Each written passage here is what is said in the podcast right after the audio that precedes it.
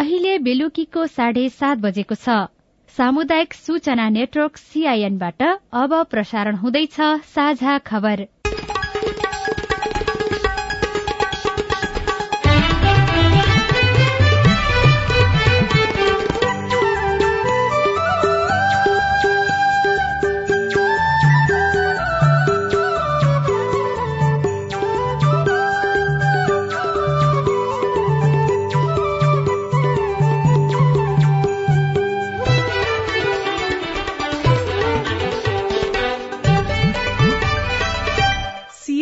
साझा खबरबाट स्नेहा कर्णको नमस्कार। साझा खबर देशभरिका सामुदायिक radio CIN Khabar dot com र मोबाइल एप सीआईएनमा पनि सुन्न सकिन्छ।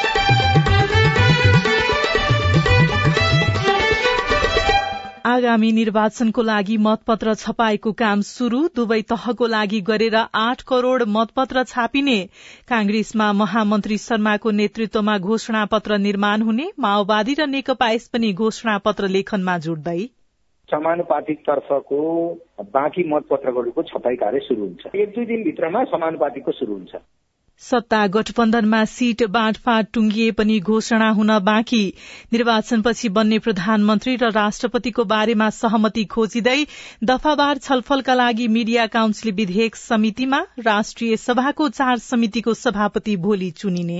एक मात्रै प्रस्ताव परेमा निर्वाचनका लागि तोकिएको दिनमा बस्ने समितिको बैठकमा समितिका ज्येष्ठ सदस्यले निर्विरोध निर्वाचित भएको घोषणा गर्ने व्यवस्था कर्णाली स्वास्थ्य विज्ञान प्रतिष्ठान जुम्लाका चिकित्सकद्वारा सामूहिक राजीनामाको घोषणा। दशैंका लागि सार्वजनिक सवारीको अग्रिम टिकट बुकिङ असोज एकदेखि खुल्ने। नेपालमा कोदोको उत्पादन नबढ्दा आयात गर्नुपर्ने बाध्यता।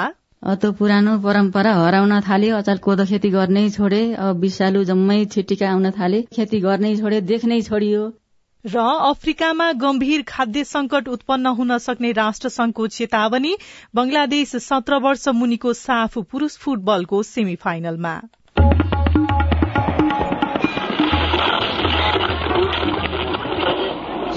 रेडियो। हजारौं रेडियो कर्मी र करोड़ौं नेपालीको माझमा यो हो सामुदायिक सूचना नेटवर्क सीआईएन मंगिरमा हुने निर्वाचनको लागि दलहरू उम्मेद्वार सिफारिशको अन्तिम चरणमा छन्। ठूला राजनीतिक दलले सिफारिश गरेका उम्मेद्वारको सूचीमा पुरानै र पटक पटक सांसद भइसकेका नेताहरू धेरै छन्। राख्नै पर्ने कानूनी बाध्यता बाहेक समावेशितामा ध्यान दिएका छैनन् भने युवाहरू कम छन् तर शीर्ष नेताहरू धेरै ठाउँबाट सिफारिशमा परेका छन्। यसले स्थानीय र जिल्ला तहको राजनीतिक नेतृत्व विकासमा असर पर्ने हुँदा अन्तिम उम्मेद्वार बनाउँदा दलहरूले विचार पुर्याउनुपर्छ अब खबर सुशीला श्रेष्ठबाट आगामी मंगिर चारमा हुने प्रतिनिधि सभा र प्रदेश सभाको चुनावलाई लक्षित गरी आजदेखि मतपत्र छपाई शुरू भएको छ। निर्वाचन आयोगका अनुसार प्रदेशको समानुपातिक तर्फको मतपत्रबाट छपाई शुरू गरिएको हो। आज र भोलि नमूना मतपत्र छपाई गर्ने र मसी सेट भए लगत्तै समानुपातिक तर्फको मतपत्र छापिने आयोगले जनाएको छ। पाँच सय तीन प्रकारका मतपत्रको फरक फरक टेम्प्लेट र डिजाइन तय गरी छपाईका लागि शुरू गरिएको आयोगका प्रवक्ता शालिग्राम शर्मा पौडेलले सीआईएनसँग बताउनुभयो। पहिला नमुना मतपत्र छाप्छौँ। नमुना मतपत्र छाप्ने बेलासम्म त्यो मेसिनहरू सेटअप हुन्छ मसीहरूको त्यो ब्यालेन्स मिल्ने कुराहरू हुन्छ सबै रिफाइन हुन्छ। त्यसपछि समानुपातिक तर्फको बाँकी मतपत्रहरूको छपाई कार्य सुरु हुन्छ। समानुपातिकको छपाई सुरु हुन चाहिँ कति समय लाग्ला त त्यसो भए? त्यसको अब एक दुई दिनभित्रमा समानुपातिकको सुरु हुन्छ। प्रदेश र संघ दुवै चुनावको लागि चार चार करोड़ मतपत्र छपाई हुनेछ। यसपटक पाँच सय तीन थरीको मतपत्र छापिनेछ। जनक शिक्षा सामग्री केन्द्रमा मतपत्र छपाईको काम सेनाको सुरक्षामा भइरहेको छ। जनक शिक्षामा प्रतिदिन एघारदेखि बाह्र लाखसम्म मतपत्र छापिने आयोगले जनाएको छ। अघिल्लो दुई हजार चौरात्तरको संसदीय चुनावमा पाँच सय दुई प्रकारका मतपत्र छापिएका थिए। निर्वाचन नजिकै गर्दा दलहरू उम्मेद्वार छनौटको मात्रै होइन चुनावी घोषणा पत्र निर्माणको लागि पनि जुटिरहेका छन्। नेपाली कांग्रेसले संघ र प्रदेशसभाको लागि महामन्त्री विश्वप्रकाश शर्माको नेतृत्वमा घोषणा पत्र निर्माण गर्ने भएको छ। प्रधानमन्त्री समेत रहनुभएका कांग्रेस सभापति शेरबहादुर देवालले महामन्त्री शर्मालाई चुनावी घोषणा पत्र तयारी समितिको संयोजक तोक्नु भएको छ। स्थानीय तहको निर्वाचनको घोषणा पत्रको जिम्मेवारी भने अर्का महामन्त्री गगन थापाले पाउनु भएको थियो। नेकपा एमाले पनि घोषणा पत्र निर्माणको लागि आवश्यक सुझाव संकलन कार्य सकेको छ। एमाले घोषणा पत्रमा राख्नै पर्ने विषयमा सुझाव दिन शुभेच्छुक संस्था नेता कार्यकर्ता र नागरिकलाई पनि अनुरोध गरेको थियो। माओवादी केन्द्र र एकीकृत समाजवादी पार्टीले भने एउटै घोषणा पत्र निर्माण गर्ने बताएका थिए तर अहिले भने एक्ला एक्लै घोषणा पत्र लेखनको काम गरिरहेको नेकपा यसका प्रवक्ता जगन्नाथ खतिवड़ाले सीआईएनलाई जानकारी दिनुभयो। हाम्रो पार्टी नेकपा एकीकृत समाजवादीले घोषणा पत्र लेख्नको निम्ति एउटा कार्यदल बनाएको छ। कार्यदलमा तीन उपमहासचिवहरू हुनुहुन्छ गंगालाल तुलाधर प्रकाश ज्वाला र विजय पौडेल। उहाँहरू ड्राफ्टको तयारीमा हुनुहुन्छ ड्राफ्ट गर्दै हुनुहुन्छ केही दिनभित्र सचिवालय बैठकमा प्रस्तुत गर्नुहुन्छ। त्यस पछाडि यसलाई अन्तिम स्वरूप कसरी दिने भन्ने बारेमा सचिवालयले निर्णय लिनेछ। संयुक्त घोषणा पत्र बनाउने भन्ने थियो। अहिलेको लेखन चाहिँ संयुक्त नै हो कि छुट्टा छुट्टै अहिलेसम्म संयुक्त हुने निर्णय छैन। अलग अलग तयारी भइरहेछ। सत्ता गठबन्धनबाट मा सीट बाँडफाँडको विषय लगभग टुंगिएको भए पनि सार्वजनिक हुन ढिलाइ भइरहेको छ। गठबन्धनभित्र कांग्रेसले तिरासी र बाँकी दलले आधा सीट संख्या लिने सहमति लगभग भएको छ तर औपचारिक घोषणा हुन भने बाँकी रहेको छ। गठबन्धनभित्र आगामी निर्वाचनपछि कसले सरकारको नेतृत्व गर्ने तथा राष्ट्रपति उपराष्ट्रपति र अरू संवैधानिक पदहरूमा को को सहभागी हुने भन्ने बारेमा निर्णय नहुँदा सीट बाँडफाँडको विषय सार्वजनिक हुन नसकेको विश्लेषण पनि भइरहेको छ। राष्ट्रिय सभाका चारवटा विषयगत समितिको सभापतिका लागि उम्मेद्वारी दर्ता भएको छ। आज राष्ट्रिय सभाको विधायन व्यवस्थापन समितिको सभापतिमा नेकपा एकीकृत समाजवादीका महासचिव समेत रहनुभएका बेदुराम भूषालले उम्मेद्वारी दिनुभएको छ भने राष्ट्रिय सरोकार समितिको सभापतिमा एमालेका पार्वती रावल दिल कुमारीको उम्मेद्वारी परेको छ। यसअघि पनि उहाँ नै सभापति हुनुहुन्थ्यो। त्यस्तै प्रत्यायोजित व्यवस्थापन तथा सरकारी आश्वासन समितिको सभापतिमा माओवादी केन्द्रका माया प्रसाद शर्माको उम्मेद्वारी परेको छ। यसअघि यो समितिको सभापतिमा रामनारायण बिडारी हुनुहुन्थ्यो। दिगो विकास तथा सुशासन समितिको सभापतिमा नेपाली कांग्रेसका प्रकाश पन्थको उम्मेद्वारी परेको छ। सभापति निर्वाचनको प्रक्रियाबारे बताउनुहुँदै राष्ट्रिय सभाका सचिव राजेन्द्र फुयाल। हाम्रो नियावली अनुसार एक मात्रै प्रस्ताव परेमा निर्वाचनका लागि तोकिएको दिनमा बस्ने समितिको बैठकमा समितिका ज्येष्ठ सदस्यले निर्विरोध निर्वाचित भएको घोषणा गर्ने व्यवस्था छ। तदनुरूप भोलि अपरान्न एक बजे सम्बन्धित चारवटै समितिको अलग अलग बैठक बोलाइएको छ। ती बैठकको अध्यक्षता सम्बन्धित समितिका ज्येष्ठ सदस्यले गर्नुहुन्छ। प्रत्येक समितिमा सभापति पदको उम्मेद्वारका प्रस्तावकले आफ्नो प्रस्ताव प्रस्तुत गर्नुहुन्छ। समर्थकले त्यसमाथि समर्थन गर्नुहुन्छ। र नियमावली अनुसार ज्येष्ठ सदस्यले एक मात्रै प्रस्ताव परेको हुनाले उहाँ निर्विरोध निर्वाचित हुनुभएको घोषणा गर्नुहुनेछ त्यसपछि दुई बजे उहाँहरू चारैजनाको राष्ट्रिय सभाका सम्माननीय अध्यक्षज्यू समक्ष शपथ ग्रहण गर्ने र पद बहाल गर्ने कार्यक्रम छ। सभापतिको निर्वाचन भोलिका लागि तय गरिएको छ। प्रतिनिधि सभाले नेपाल मिडिया काउन्सिल विधेयक दुई हजार छयत्तरलाई दफावार छलफलका लागि विकास तथा प्रविधि समितिमा पठाएको छ। प्रतिनिधि सभाको आज बसेको बैठकमा सूचना तथा संचार प्रविधि मन्त्री ज्ञानेन्द्र बहादुर कार्कीले नेपाल मिडिया काउन्सिल विधेयक दुई हजार छयत्तरलाई दफावार छलफलका लागि सम्बन्धित समितिमा पठाइयोस् भनी प्रस्ताव गर्नुभएको थियो। मन्त्री कार्कीको प्रस्ताव सभाबाट बहुमतले पारित भएको छ। अब उक्त विधेयकमा दफावारका रूपमा सम्बन्धित समितिमा छलफल हुनेछ। राष्ट्रिय सभाबाट सन्देशसहित पारित भएर आएको उक्त विधेयकमा संचारकर्मीहरूले केही प्रावधानलाई लिएर विरोध गरिरहेका छन्। मन्त्री कार्कीले उक्त विषयमा आफ्नो ध्यानकर्षण भएको र संशोधन मार्फत सच्याइने बताउनु भएको छ। सरकारले लामखुट्टेको टोकाईबाट लाग्ने डेंगी रोग नियन्त्रण र रोकथामका लागि राष्ट्रिय अभियान सञ्चालन गर्ने भएको छ। नेपाल सरकारका मुख्य सचिव शंकर दास बैरागी स्वास्थ्य तथा जनसंख्या मन्त्रालयका पदाधिकारी खानेपानी तथा सरसफाई मन्त्रालयका पदाधिकारी र संघीय मामिला तथा सामान्य प्रशासन मन्त्रालयका पदाधिकारी बीच आज भएको छलफलको क्रममा डेंगी रोग नियन्त्रण र रोकथामका लागि राष्ट्रिय अभियान सञ्चालन गर्ने निर्णय भएको हो। डेंगी रोग नियन्त्रण र रोकथामका लागि हाल जारी रहेको खोज र नष्ट गर अभियानलाई अबदेखि हरेक वर्ष राष्ट्रिय अभियानको रूपमा सञ्चालन गर्ने निर्णय भएको स्वास्थ्य तथा जनसंख्या मन्त्रालयका प्रवक्ता डाक्टर संजय कुमार ठाकुरले सीआईएनसँग बताउनुभयो। नियन्त्रण गर्नलाई हामीले थप चाहिने निर्देशन पनि प्राप्त गर्यौं र एउटा राष्ट्रिय अभियानकै रूपमा अबदेखि लामखुट्टेको लार्भालाई खोजेर नष्ट गर भन्नेलाई अझै थप बलियोसँग त्यो कार्यक्रम लग्ने अबको वर्षमा र यो वर्षमा पनि धेरै प्रकोपको रूपमा यो रोगहरू नदेखियोस्। त्यसैको लागि अरू सरकारबाट के के सहयोग चाहिन्छ त्यस सम्बन्धी उहाँले सहयोग दिने प्रतिबद्धता पनि दिनुभयो र निर्देशन पनि दिनुभयो। अब टेलिकम्युनिकेसनसँग सहकार्य गरेर सचेतनाका कार्यक्रमहरू र लार्भा खोजेर नष्ट गरेर मेन उपाय त्यही हो। त्यसको लागि सचेतना अभिवृद्धि गर्नलाई रिङ टोन मार्फत पनि बजाउन सन्देशमूलक कुराहरू। आइडिसिडीका निर्देशकज्यू र डिजी साहबलाई निर्देशन पनि भयो। यो वर्ष असार यता देशभर तीन हजार नौ सय पाँच जनामा डेंगी संक्रमण पुष्टि भएको छ। तीव्र गतिमा डेंगी संक्रमण पुष्टि हुन थालेपछि सरकारले सबैलाई सरसफाईमा ध्यान दिन र सतर्कता अपनाउन आग्रह गरेको छ। कर्णाली स्वास्थ्य विज्ञान प्रतिष्ठान जुम्लाका चिकित्सकहरूले सामूहिक राजीनामाको घोषणा गरेका छन्। शान्ति सुरक्षाको प्रत्याभूति नभएको भन्दै प्रतिष्ठानमा कार्यरत चिकित्सक तथा स्वास्थ्य कर्मीहरूले सामूहिक राजीनामाको घोषणा गरेका हुन्। उनीहरूले उपकुलपतिलाई पत्र लेख्दै सामूहिक राजीनामाको घोषणा गरेका छन्। भदौ दुई गते डाक्टर करण शाहमाथि प्रतिष्ठानकै कर्मचारीले कुटपिट गरेका थिए। उक्त घटनालाई अति रंजित बनाई पीड़ित डाक्टरमाथि नै झुटा मुद्दा दायर गरी पक्राउ पूर्जी जारी गरेकाले आन्दोलित बन्नु परेको डाक्टर रामजीवन प्रसादले सीआईएनसँग बताउनुभयो। यहाँका स्कुलका टिचरहरूले पनि केही विद्यार्थीहरू स्कुलको ल्याएर हाम्रो विरुद्धमा नारा लगाए। अनि त्यही भएर हामीहरूले कहीँ न कहीँ असुरक्षित साथसाथै यो कन्याको साटो उल्टै उहाँले जेल हाल्ने जुन प्रयास गर्दैछ त्यसको विरुद्धमा हामीहरूले अर्को कोही विकल्प नदेखेर हामी साठीजना डाक्टर मिलेर भोलिदेखि काममा नआउने गरी भिसहरूकोमा राजीनामा दिइसकेका छौँ। साझा खबरमा अब विदेशको खबर अफ्रिकामा गम्भीर खाद्य संकट उत्पन्न हुन सक्ने भन्दै संयुक्त राष्ट्र संघले चेतावनी दिएको छ।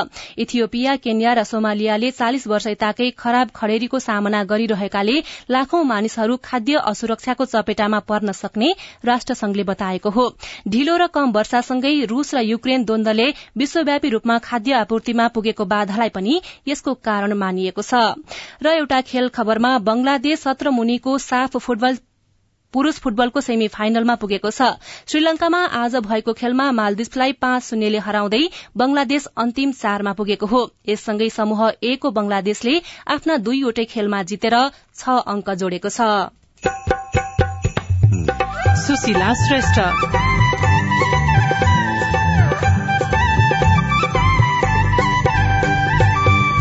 पाल्पामा रहेको चुनढुङ्गाको खानी मापदण्ड विपरीत सञ्चालनमा खानी सञ्चालन चाहिँ मापदण्ड पूर्वक नचल्नाले यहाँ पहिरोको जोखिम भएको हुँदा यहाँ हाम्रा विद्यार्थीहरूलाई स्कुल आवत जावत गर्नको लागि धेरै समस्या परेको छ जोखिमपूर्ण भएको छ।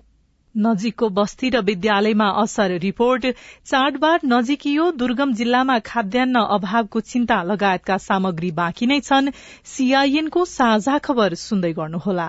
मम्मी खाजा। मम्मी मेरो होमवर्क गर्ने कापी। बुहारी एकदम खुट्टा दुख्यो। बुहारी चिया खान मन लागेको थियो। बुढी कपडा मैलो भएछ।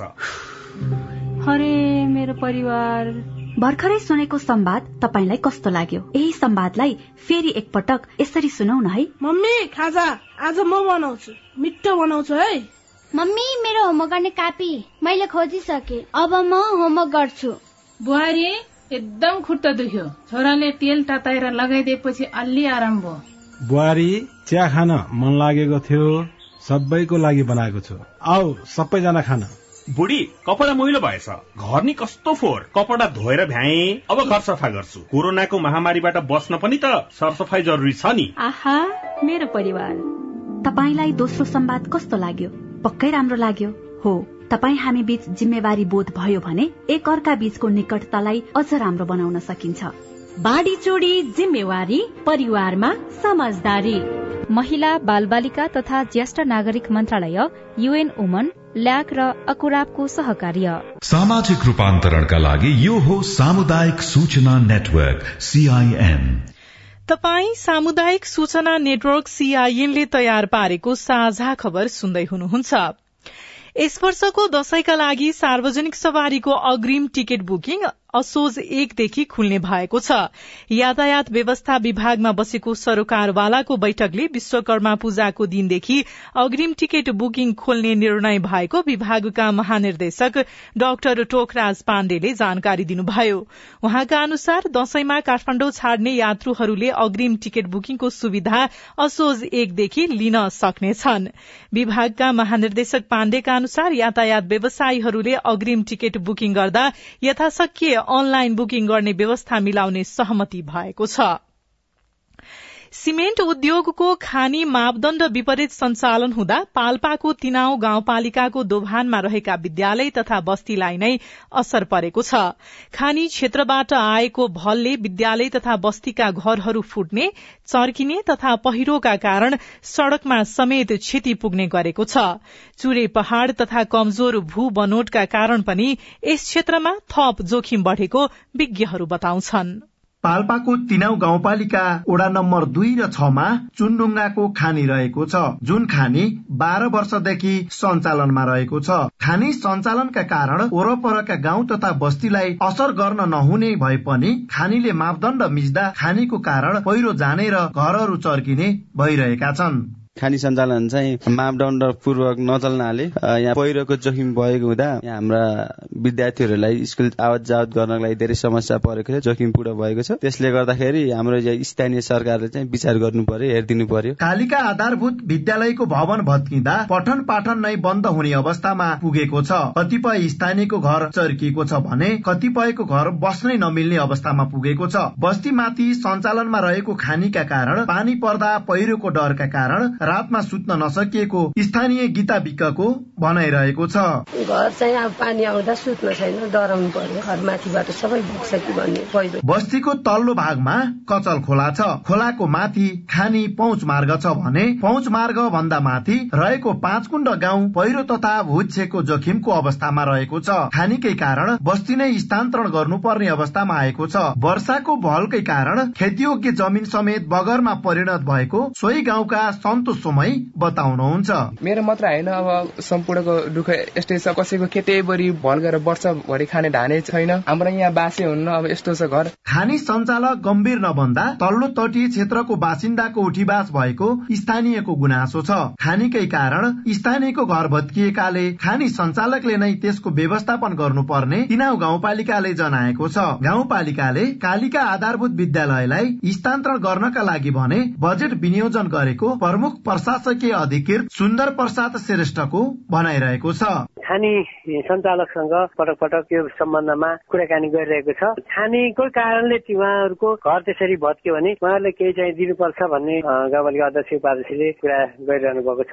विद्यालयको हकमा जुन भत्केको छ त्यो त्यसलाई पनि पुनः प्रयोग हुने किसिमले चाहिँ अर्को ठाउँमा सार्दाखेरि सामानहरू रियुज गर्न सकिने भएको हुनाले त्यसलाई चाहिँ भत्काएर व्यवस्थापन गर्नको लागि केही बजेट पनि विनियोजन गरेको छ। खानी उद्योगहरूले स्थानीयको भावनालाई ख्याल नगरी एकतर्फी ढंगबाट काम गर्दा जनताले विकासको नाममा शास्ति खेप्नु परिरहेको छ। Bhuwan Raimajhi CIN radio Muktinath Palpa. साझा खबरमा अब हेलो सीआईएन सजना तिमल सिन्हाबाट।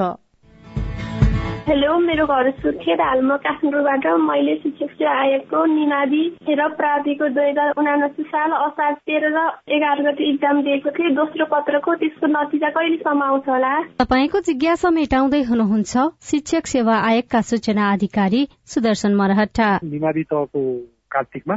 र प्राथमिक तहको मक्सिरमा चाहिँ नतिजा प्रकाशन गर्ने गरी व्यवस्था मिलाइएको छ। म खुटाङबाट रमेश परियार। मैले दुई हजार सत्तरी सालमा बिएड फर्स्ट इयरको इक्जाम दिएको तीन वर्ष बिएडको बिचमा विविध कारणले गर्दाखेरि मेरो परीक्षा छुट्न गयो। फर्स्ट इयरको कम्पलसरी नेपाली मात्रै मैले पास गरिनँ। मेरो विविध कारणले गर्दा बिचमा एकचोटि मौका परीक्षामा पनि म आफैलाई कोरोना भाइरसको कारणले गर्दा इक्जाम दिन पाइनँ।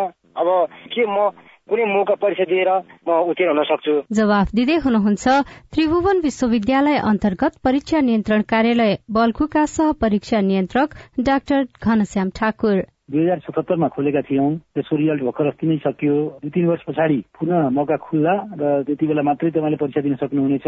प्रयोगत्मक विषय छ भने केही दिनपछि नै हामी खोल्छौँ। सैद्धान्तिक विषय भएको हुनाले केही दिन अब कुर्नु पर्ने भयो। होइन भने चार वर्ष कोर्समा अहिले नयाँ भर्ना गरेर फेरि पास गर्न सक्नुहुन्छ भने त्यतातिर ध्यान दिए नै हुन्छ। मेरो नाम कृष्ण थापा मगर यता रामेछाप जिल्लाबाट होइन? मेरो चाहिँ सर्टिफिकेटमा चाहिँ दुई हजार अन्ठाउन्न साल छ होइन? अनि त्यो नागरिकतामा चाहिँ दुई हजार उनासाठी साल छ होइन? त्यसको लागि चाहिँ के गर्न सकिन्छ? मैले चाहिँ अहिले एसी लिएर बसेको इलेभेन पढ्नको लागि समस्या भइरहेछ। तपाईँको प्रश्न सुनेपछि राष्ट्रिय परीक्षा बोर्ड अन्तर्गत कक्षा दसको परीक्षा उपनियन्त्रक भक्त गोदार भन्नुहुन्छ। भर्ना हुनलाई त्यसले समस्या पार्दैन भर्ना हुन सकिन्छ तर सच्याउनु पर्यो भने उहाँको सकल परिपत्र र अहिलेको ओरिजिनल त्यो हामीले दिएको चाहिँ ग्रेड सिट र प्रमाणपत्र लिएर आउनुभयो भने हामी एक हप्ताभित्र उहाँको सकिहाल्छ तपाई जुनसुकै बेला हाम्रो टेलिफोन नम्बर शून्य एक बान्न साठी छ चार छमा फोन गरेर आफ्नो प्रश्न जिज्ञासा गुनासा अनि समस्या रेकर्ड गर्न सक्नुहुनेछ तपाई सामुदायिक सूचना नेटवर्क सीआईएनले काठमाडौँमा तयार पारेको साझा खबर सुन्दै हुनुहुन्छ। दशैं तिहारमा खाद्यान्न अभाव हुन नदिने सरकारको प्रतिबद्धता? दशैं तिहारलाई कुनै किसिमको कमी कमजोरी नहोस्। अहिले पनि खाद्यान्न गइरहेछ। हामीले आफ्नो तर्फबाट पठाउने प्रयास गरेर अहिले पनि जहाँ सब्सिडिज भइरहेछ ती जिल्लाहरूमा पठाइराखेका छौं। झण्डै आठ प्रतिशत नागरिक खाद्य असुरक्षा झेल्दै रिपोर्ट खाद्यान्नको उत्पादन बढ़ाउने दीर्घकालीन योजना कमजोर अनि देशमा कोदो खेतीको सम्भावना र उत्पादन लगायतका सामग्री बाँकी नै छन्। सीआईएनको साझा खबर सुन्दै गर्नुहोला।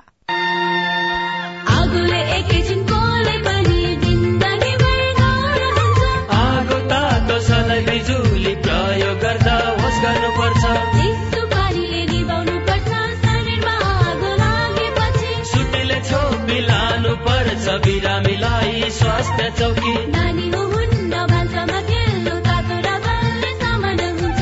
होस् गरी चलाऊ स्टोभ र ग्यास भुइँमा पकाए दुर्घटना बढ्छ। अग्निजन्य दुर्घटना भएमा शून्य एक पचपन्न पचपन्न छ आठ नौमा सम्पर्क गर्नुहोस्। बीबीएस नेपाल ललितपुर। सामाजिक रूपान्तरणका लागि यो हो सामुदायिक सूचना नेटवर्क सीआईएन तपाई सामुदायिक सूचना नेटवर्क सीआईएनले काठमाडौँमा तयार पारेको साझा खबर सुन्दै हुनुहुन्छ। नेपालमा कुल जनसंख्याको सात दशमलव आठ प्रतिशत जनसंख्या खाद्य असुरक्षाको चपेटामा रहेका छन्। खास गरी उत्पादन कम हुने रोजगारीको अभाव रहेको र यातायातको सहज पहुँच नपुगेको कर्णाली सहित हिमाली र उच्च पहाड़ी का चौविस जिल्लाका नागरिक धेरै गरीब रहेको र खाद्य असुरक्षा झेलिरहेको सरकारी तथ्याङ्क छ। वर्षभरि खाद्यान्नको अभाव भइरहने यी जिल्लामा चाडबाडमा खाद्यान्न अभाव हुन नदिन सरकारले कस्तो तयारी गरिरहेको छ? पहिला त ए यस्तो लाइन लाग्नु पर्दो। पाँच केजी पनि पाइँदैन थियो। दिनभरि अब एक घरका दुई चारजना गरेर खान्थे पहिला। बाजुरा बुढीनन्दा नगरपालिकाका अम्बिका बोहरा। उब्जनी कम हुने तथा खाद्यान्न आपूर्तिका लागि यातायातको सहज व्यवस्था नहुने हुँदा बाजुरामा खाद्यान्नको अभाव भइरहन्छ। अहिले केही परिवर्तन भएको छ तर निजी क्षेत्रले गर्ने खाद्यान्नको आपूर्ति महँगो पर्ने हुँदा नागरिक खाद्य संस्थानकै भर पर्ने गरेका छन्। पचास पचपन्नदेखि नै देखि पनि रहेछौँ हामीले पनि लिइरहेछौँ खाइरहेछौँ। खाद्य व्यवस्था तथा व्यापार कम्पनीले बिक्री गर्ने चामल तथा अन्य खाद्यान्नको मूल्य बजार भाव भन्दा केही सस्तोमा पाइने हुँदा दुर्गम क्षेत्रका नागरिक खाद्यकै भर पर्ने गरेका हुन्। विशेष गरी चाडपर्वको समयमा पर्याप्त खाद्यान्न पाइँदैन कि भन्ने चिन्ता उनीहरूलाई लागि नै रहन्छ। धेरै जग्गा भनेको तिन चार महिना भ्याउँदो न तर सबैको त्यस्तै त हो त समस्या खाद्यको छ त महिनाको महिना एक दुई तिन कट्टा चामल खाएकै छौँ। मान्छे बिरामी गाडी पाउने अवस्था छैन भनेपछि अब चामलको लागि त गाडी को पुगाइदिने भयो? सरकारले चालू आर्थिक वर्षका लागि चामल ढुवानी गर्न अनुदान स्वरूप सड़चालिस करोड़ त्रिपन्न लाख विनियोजन गरेको छ। दुर्गमका जिल्लामा यातायातको सहज पहुँच नपुगेकै कारण चामलको मूल्य भन्दा चार गुणा बढ़ी खर्चेर कम्पनीले हेलिकप्टरबाट ढुवानी गर्दै आइरहेको छ। त्यसैले पनि खाद्यान्न महँगो हुने गरेको छ। संखुवा सभा स्थित भोट खोलाका हृदर भोटे। यो खाद्यान्न चामल चाहिँ किन त्यतिसम्म पर्न जान्छ त्यहाँ? सर्वसाधारणले त चाहेको छ त्यहाँ किनभने चाइना बन्द छ माथिबाट खाद्यान्न आउन छोडेको छ। त्यसले कतिपय त्यहाँको जनतालाई मार परिरहेछ। खाद्य व्यवस्था तथा व्यापार कम्पनीले यस वर्ष दशैं तिहारमा खाद्यान्न अभाव नहुने बताएको छ। हाल प्रादेशिक तथा मुख्य शाखा कार्यालयहरूमा एक लाख आठ हजार क्विन्टल र जिल्लास्थित शाखा कार्यालयहरूमा बाइस हजार दुई सय क्विन्टल खाद्यान्न मौजदात छ। चालू आर्थिक वर्षका लागि एक लाख छयासी हजार सात सय क्विन्टल चामल तथा खाद्य वस्तुको समेत ढुवानी प्रक्रिया अघि बढ़ाइएको छ। कम्पनीका प्रमुख कार्यकारी अधिकृत मोहन प्रकाश चन्द दुर्गमका नागरिकलाई खाद्यान्न अभाव हुन नदिने गरी काम भइरहेको बताउनुहुन्छ। अहिले पनि खाद्यान्न गइरहेछ। हामीले आफ्नो तर्फबाट पठाउने प्रयास गरेर अहिले पनि जहाँ सब्सिडिज भइरहेछ ती जिल्लाहरूमा पठाइराखेका छौं। दशैं तिहारलाई कुनै किसिमको कमी कमजोरी नहोस् जनताले खान नपाउन् भन्ने नहोस् भनेर हामीले भरमदुर प्रयास गरिरहेछौँ। यस वर्ष सबैभन्दा बढ़ी हुम्लामा एकतीस हजार पाँच सय डोल्पामा छब्बीस हजार आठ सय जाजरकोटमा बीस हजार मुगुमा उन्नाइस हजार पाँच सय क्विन्टल चामल पठाउने तय भएको छ। ताप्लेजुङ भोजपुर र रोल्पामा एक हजार क्विन्टल चामल पठाइँदैछ। आवश्यकताका आधारमा अन्य जिल्लामा पनि खाद्यान्न जान्छ। तर सधैँ केन्द्रबाट खाद्यान्न पठाउनु भन्दा स्थानीय स्तरमा हुने उत्पादन बढ़ाउनु पर्नेमा विज्ञहरूको जोड़ छ। खाद्यका लागि कृषि अभियन्ता कृष्ण पौडेल। खाने बालीहरूलाई अलि धेरै फल्ने बनाउने हामीले धेरै उत्पादन र उत्पादकत्व बढाउने स्थानीय रैखाने कृषि नबनाइकन अरू हजार कुरा गरेर कुनै अर्थै छैन कि। सरकारले यसपटक चाड पर्वमा खाद्यान्न अभाव हुन नदिन तयारी गरिरहेको बताएको छ। तर वर्षैभरि खाद्यान्नको उपलब्धताको लागि स्थानीय हावापानी र माटो अनुसारको उत्पादनमा जोड़ दिने दीर्घकालीन नीति बनाउनु आवश्यक देखिन्छ। उषा तामाङ सीआईएन काठमाडौँ। आफ्नो क्षेत्रको माटो र हावापानी अनुसार खेतीपाती नगर्दा नागरिकलाई किनेरै खानुपर्ने बाध्यता छ। देशका अधिकांश जिल्लामा कोदो खेतीको सम्भावना छ तर खेती गर्ने तरिका नमिल्दा उत्पादन आवश्यकता अनुसारले बढ़िरहेको छैन। जसका कारण कोदो पनि आयात गर्नुपर्ने बाध्यतामा नेपाल छ। एक समय पाल्पाको मुख्य खेती नै कोदो थियो। खानामा पनि कोदोकै प्रयोग बढ़ी हुन्थ्यो। तर पछिल्लो बीस वर्षको अवधिमा पाल्पाबाट कोदो झण्डै विस्थापनको अवस्थामा पुगेको छ। एकजना किसान देवी कुमारी कणेल। यहाँ नहुने केही छैन। सबै कुरो हुन्छ। अतो पुरानो परम्परा हराउन थाल्यो अचार कोदो खेती गर्नै छोडे अब विषालु जम्मै छिटिका आउन थाले खेती गर्नै छोडे देख्नै छोडियो। बागलुङ स्याङ्जा कास्की ओखलढुङ्गा गोर्खा खोटाङ सिन्धुपाल्चोक लगायत हरेक पहाड़ी जिल्लामा कोदो खेती हुँदै आएको छ। तर गाउँघरमा खानाको प्रयोगमा कोदो घट्दै गयो र खेती हुने क्षेत्रफल पनि घट्यो जसका कारण उत्पादन पनि बढ़न नसकेको सिन्धुपाल्चोकका किसान शालिग्राम सापकोटा बताउनुहुन्छ। अहिले कोदो त अब रोप्न छोड्यो हजुर कता कतै यसो बिउलाई रोप्छन्? रौसी पार्नलाई कोदो बिक्री हुन्थ्यो। अहिले रौसी कनिकाको बल्छ अरे त्यो थाहा छैन। अलिअलि अलिअलि यसो पाखा पोखीमा समुद्र सतहबाट तीन हजार एक सय मिटर उचाइसम्म कोदोको खेती गर्न सकिन्छ। तर खेतीयोग्य जमीन मध्ये सात दशमलव सात प्रतिशत क्षेत्रफलमा मात्रै कोदो खेती हुने गरेको छ। उत्पादन बढ़ाउन मकवानपुरको अपाङ्ग तथा विपन्न कृषि सहकारी संस्थाले किसानलाई कोदो खेतीमा प्रोत्साहन गरिरहेको छ।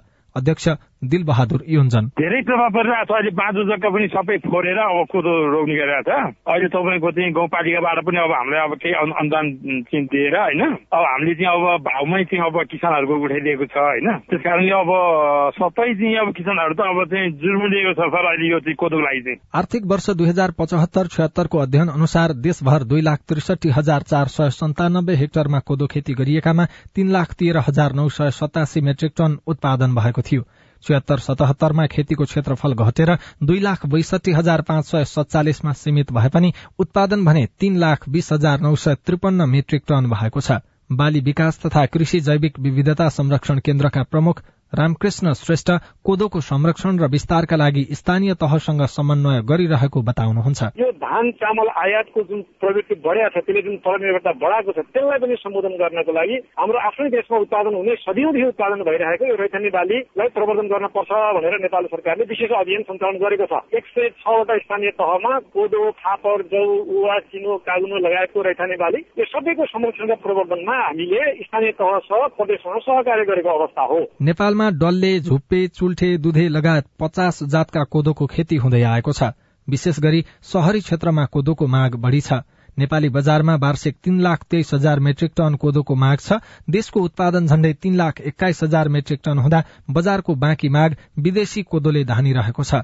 राष्ट्रिय कृषक समूह महासंघ नेपालका कार्यक्रम संयोजक केदार कोइराला। दुई हजार पचहत्तर छयत्तरमा चाहिँ सात करोड़ पन्ध्र लाख सत्ताइस हजार रुपियाँको कोदो आयात भएको छ। सतहत्तर अथवा आठ करोड़ तीन लाख रुपियाँको कोदो आयात भएको छ। हामीले बेच्ने गरी कोदो उत्पादन गर्नै सकेका त्यसकारण अहिलेको जुन बजारीय सोख पूरा गर्नलाई आउँछ एउटा पशु आहारको रूपमा आउँदो रहेछ दोस्रो मदिराजन्य कुराहरू उत्पादन गर्नलाई पनि केही आउँदो रहेछ। बाझै रहेका पहाड़का जमीन उपयोग गर्दै कोदोको उत्पादन बढ़ाई आत्मनिर्भर असुरक्षा झेलिरहेका सात दशमलव आठ प्रतिशत नागरिकलाई समेत खाद्य सुरक्षामा जोड्न सकिन्छ। अविनाश आचार्य सीआईएन काठमाडौँ।